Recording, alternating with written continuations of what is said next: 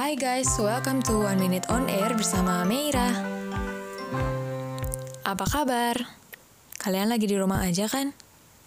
Wabah virus corona membuat kita terpaksa membatasi dulu kegiatan kita di luar rumah. Terus kita yang di rumah aja bisa ngapain ya?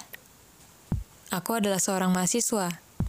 Di rumah aja lagi ngerjain skripsi nih, supaya bisa lulus dengan hasil yang maksimal.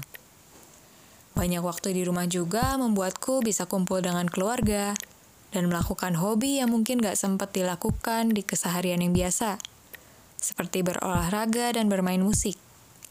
Nah, kalian bisa banget menemukan passion baru yang membuat hari-hari kalian lebih produktif. Gak sekedar duduk-duduk atau rebahan aja. Aku harap kalian tetap semangat, bahagia, dan sehat selalu ya. See you on next episode.